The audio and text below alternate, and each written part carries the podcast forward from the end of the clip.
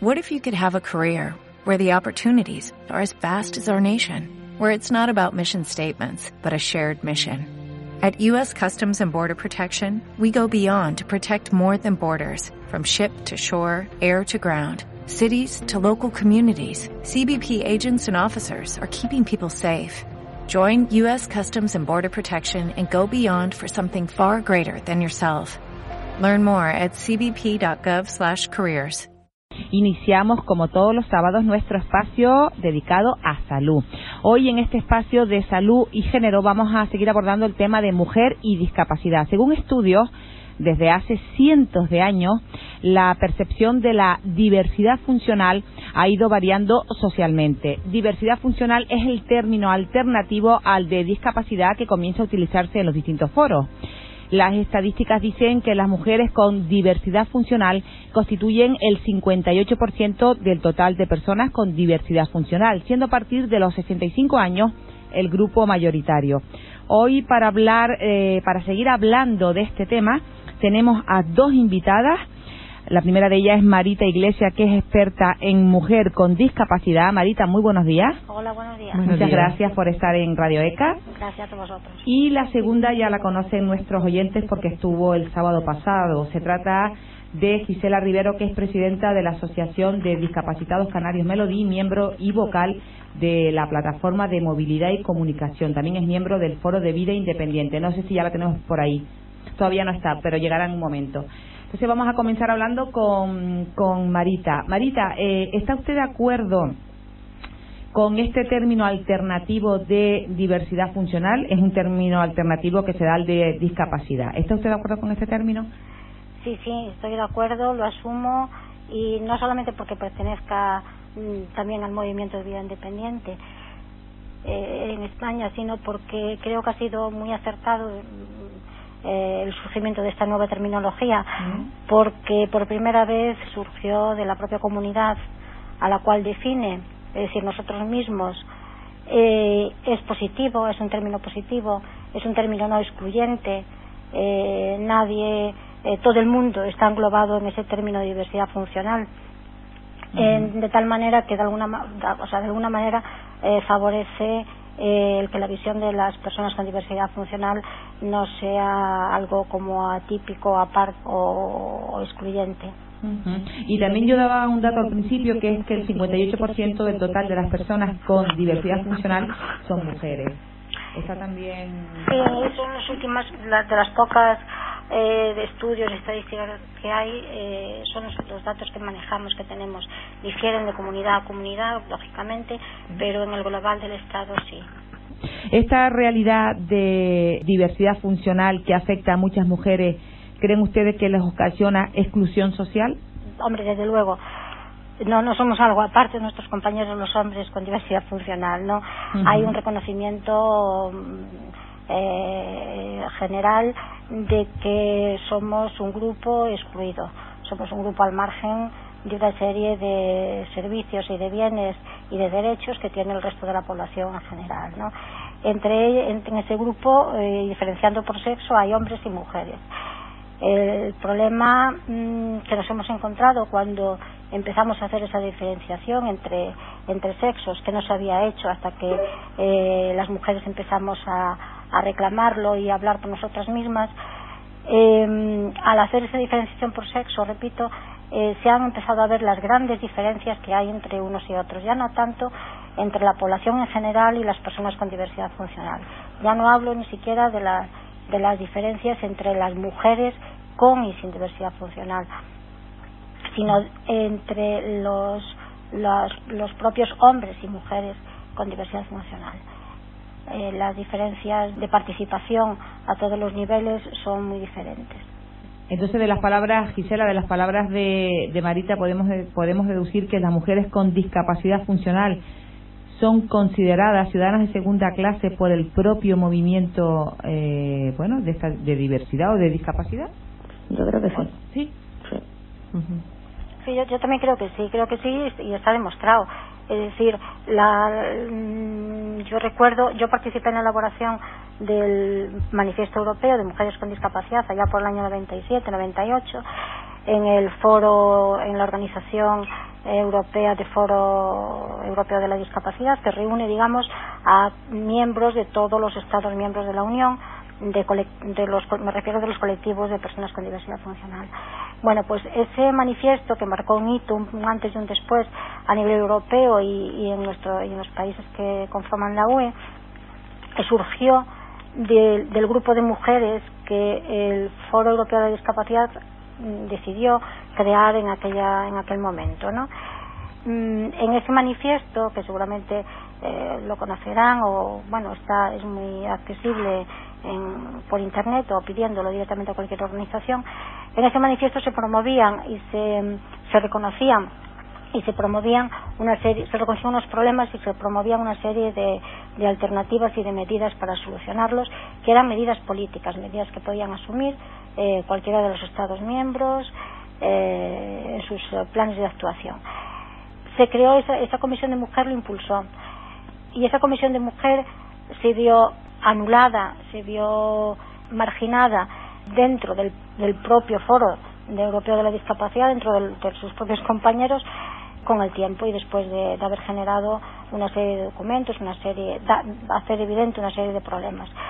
¿Por qué? Pues porque simplemente no se le dio representación, no se le dieron medios ni se dio todos recursos y no se y no se mm, eh, hizo que participara ese grupo de mujeres activamente en, la, toma de decisiones de una organización como esta. Eso traducido a nuestro, a nuestro, a nuestro ámbito local o nacional, tres cuartos de lo mismo. Surgieron comisiones de mujeres por todas partes eh, que han muerto con el tiempo, la mayoría de ellas, pero por falta de credibilidad. Eh, por falta de creer en ellas, me refiero a los dirigentes de, las propias organizaciones en las que se asentaban. ¿no? Eso es una muestra de la, de la poca mm, credibilidad y confianza que, se tiene desde, desde la dirección de muchas organizaciones que siguen manejadas por hombres. Yo sí quisiera preguntarles una cosita. ¿Hay necesidad de integrar esa perspectiva de género en ese trabajo del movimiento de la diversidad funcional, Marita? Sí, ya, primero, desde luego, en el seno de nuestras familias, pero luego tenemos una vida, eh, cuando, cuando tenemos una vida activa, muchas de nosotras la tuvimos en organizaciones es decir, lo que de alguna manera mamamos en casa y mamamos en esas organizaciones está alimentando nuestra autoestima, nuestra forma de ser y nuestro desarrollo personal.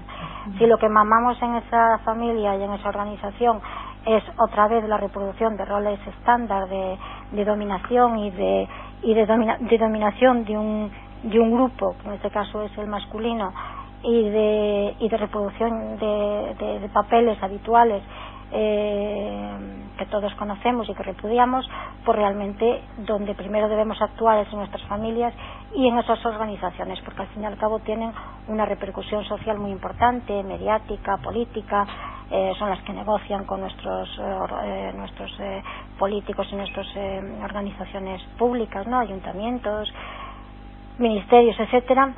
Y lógicamente, si lo que, si lo que mm, dan, si lo que transmiten es una, una visión carente de género, eh, asesuada por lógicamente las medidas que se tomen eh, que se tomen que se lleven a la práctica van a ser también medidas asesuadas y carentes de género con lo cual seguiremos manteniendo una situación como la que estamos. Gisela no sé si quieres añadir algo más a lo que está diciendo Marita. Bueno sí prueba de ello es eh, en el 2007 se creó el plan nacional actuación sobre la mujer con discapacidad, con diversidad funcional, y que yo sepa, solo se quedó en el papel. No sé si Marita tiene algún otro dato. Mm. Sí, sí, se quedó en el papel. Se quedó en el papel porque fue un elemento, eh, un elemento de publicidad eh, del gobierno en ese momento, porque estaban las elecciones, digamos, en los meses siguientes. Eh, fue un plan nacional de mujer que fue elaborado con muchísima ilusión eh, y que para luego verlo reducido a un cajón. Es más, hubo un año, no me acuerdo ahora muy bien si fue el, 2000, si fue el 2006 o 2005, donde sí mm, se promovieron para ese año una serie de medidas a llevar a cabo. Pero, curiosamente, fueron medidas sin presupuesto, con lo cual eran medidas totalmente publicitarias, ¿no? Medidas de impacto, pero sin presupuesto. Yo no conozco ni a ninguna mujer ni a ninguna organización que haya podido acudir basándose en esa convocatoria de ese año concreto, que ya te digo, no recuerdo exactamente cuál es, que haya podido llevar a cabo algún tipo de medida específica sobre mujeres. Nadie. Bueno, pues sin duda esto habrá que cambiarlo, ¿no?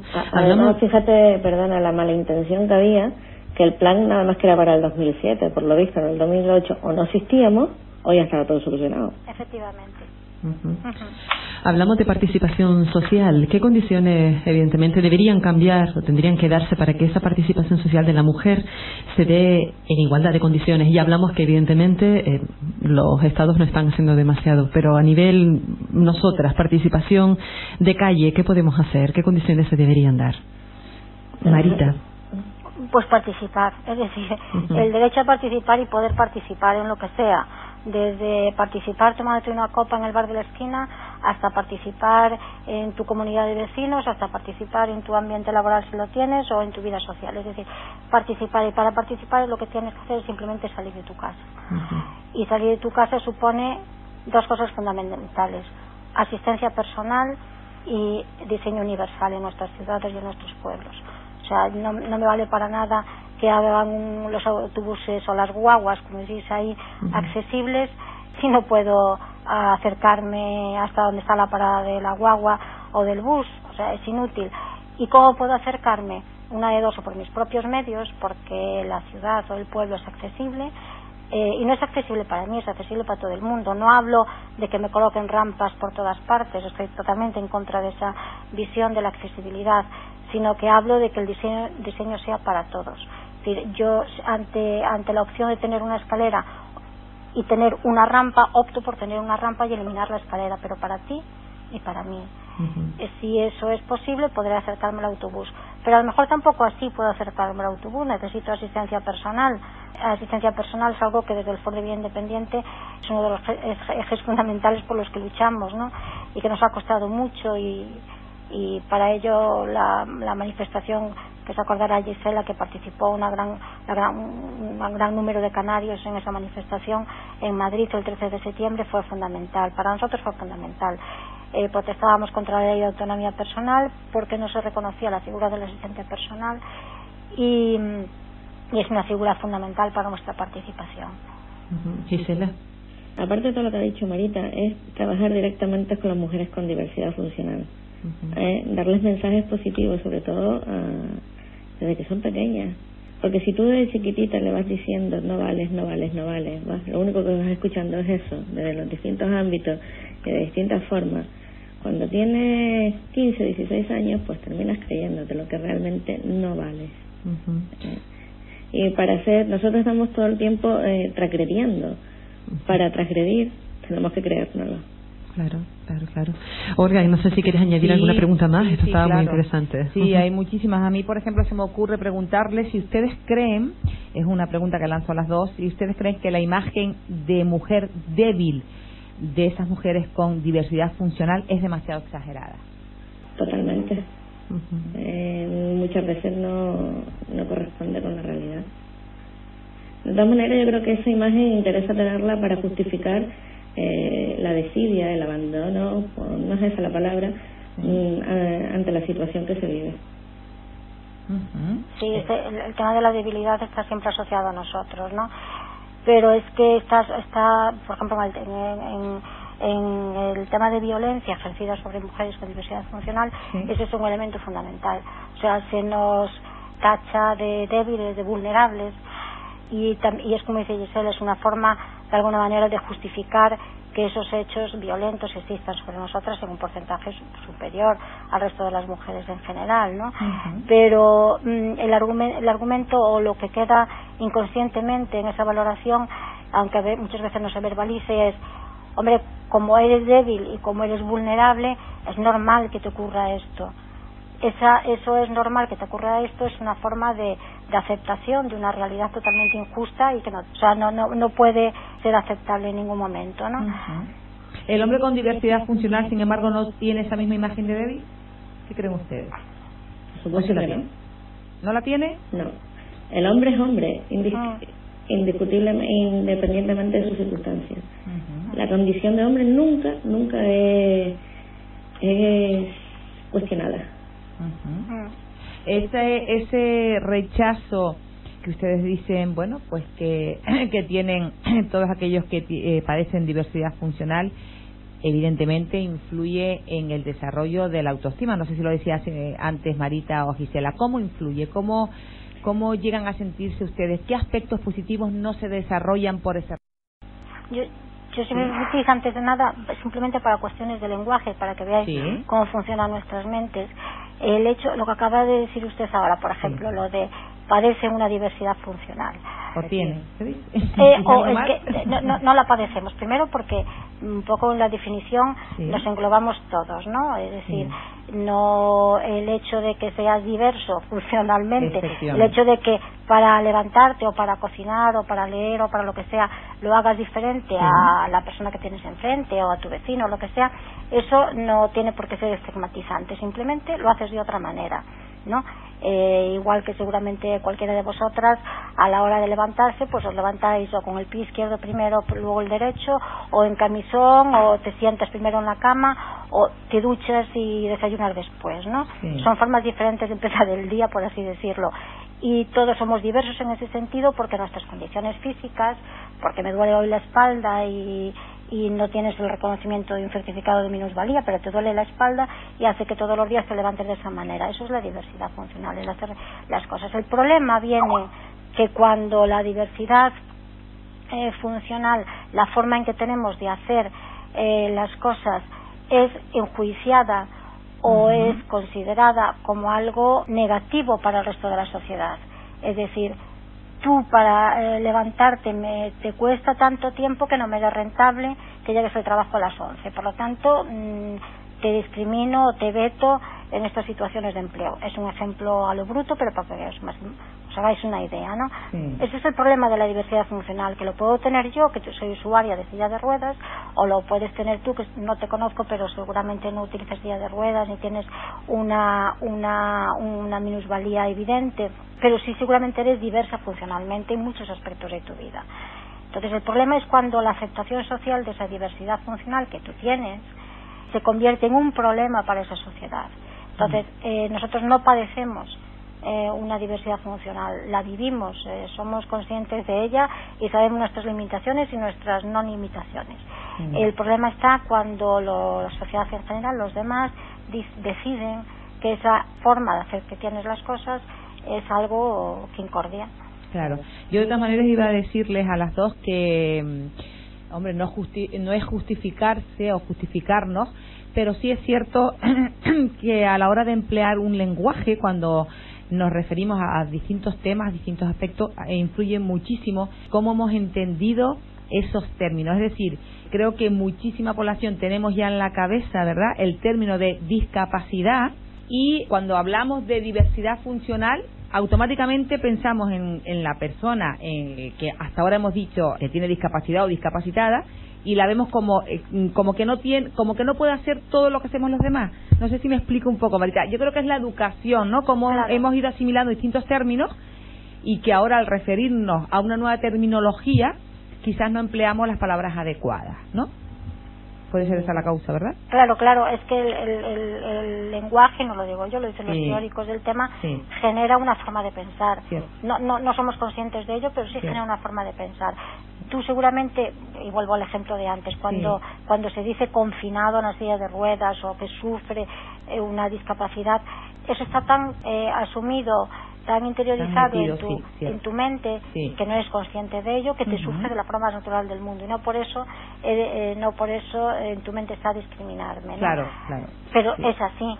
Por eso la definición a veces cuando cuando las personas que son muy prácticas y muy muy activas y dicen no bueno vamos al ajo de las cosas venga vamos un poco a dejar el tema de la terminología y eso son no, no, es nuestro problema. Necesitamos reflexionar porque es uno de los orígenes de nuestra discriminación, el lenguaje.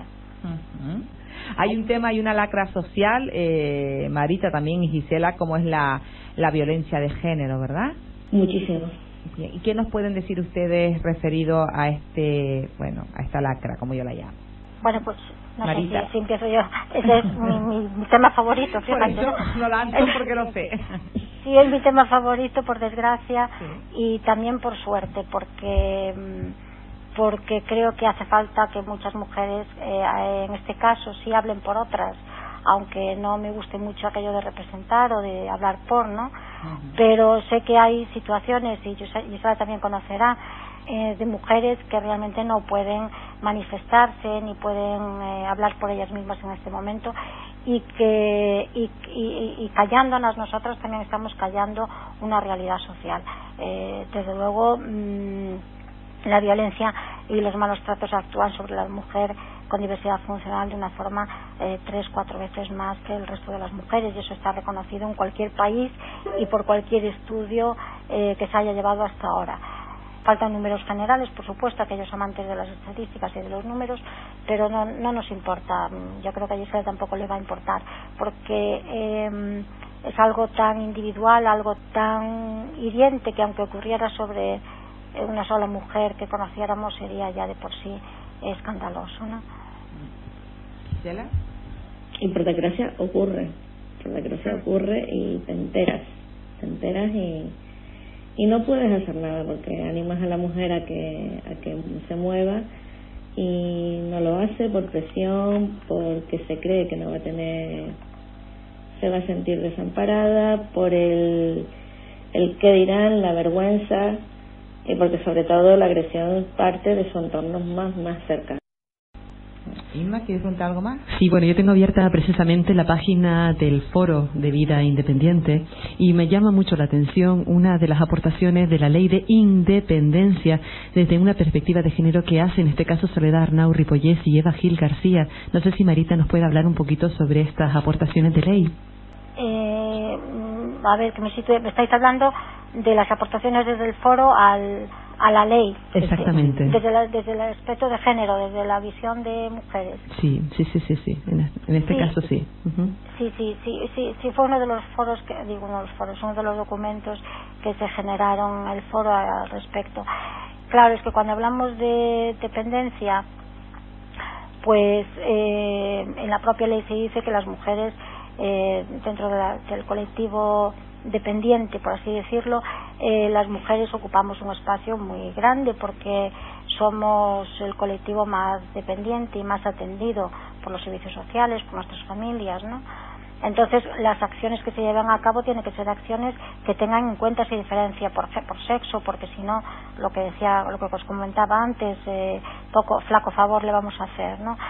Además, las medidas para la independencia de las mujeres también pasan por el por el tema de servicios de apoyo cuando decidimos formar nuestras familias para criar los niños eh, servicios de mm, servicios de información a la hora de planificar eh, nuestra familia y nuestras vidas mm, servicios de apoyo entre mujeres y por supuesto vuelvo a lo mismo la asistencia personal Creo que se ha creado en Madrid una, la primera oficina de vida independiente de España en la comunidad de Madrid, ¿no es así?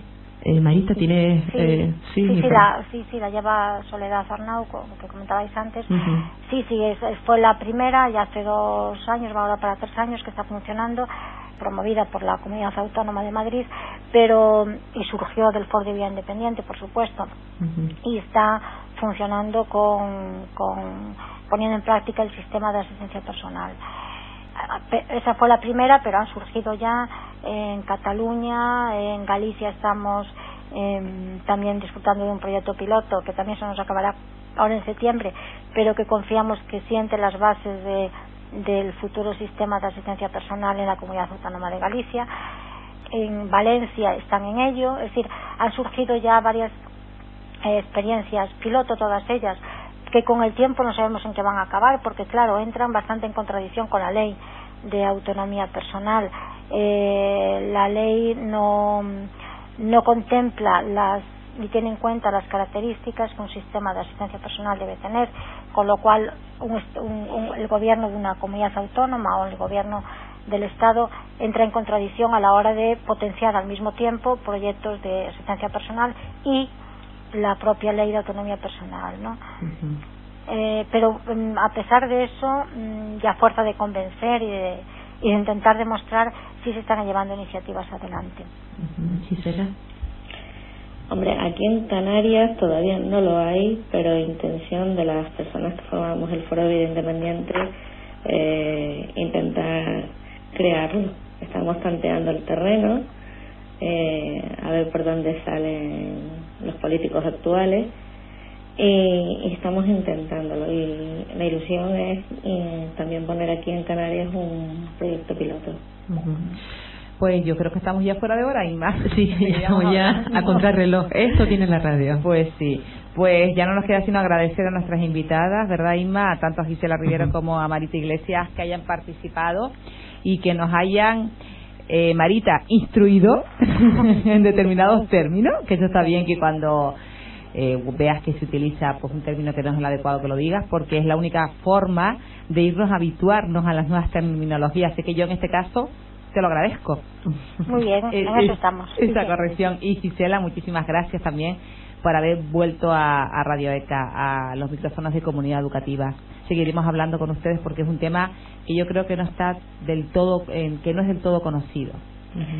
Pues muchísimas gracias. Muchísimas gracias también. Gracias. Buen día, Buen día. Saludos.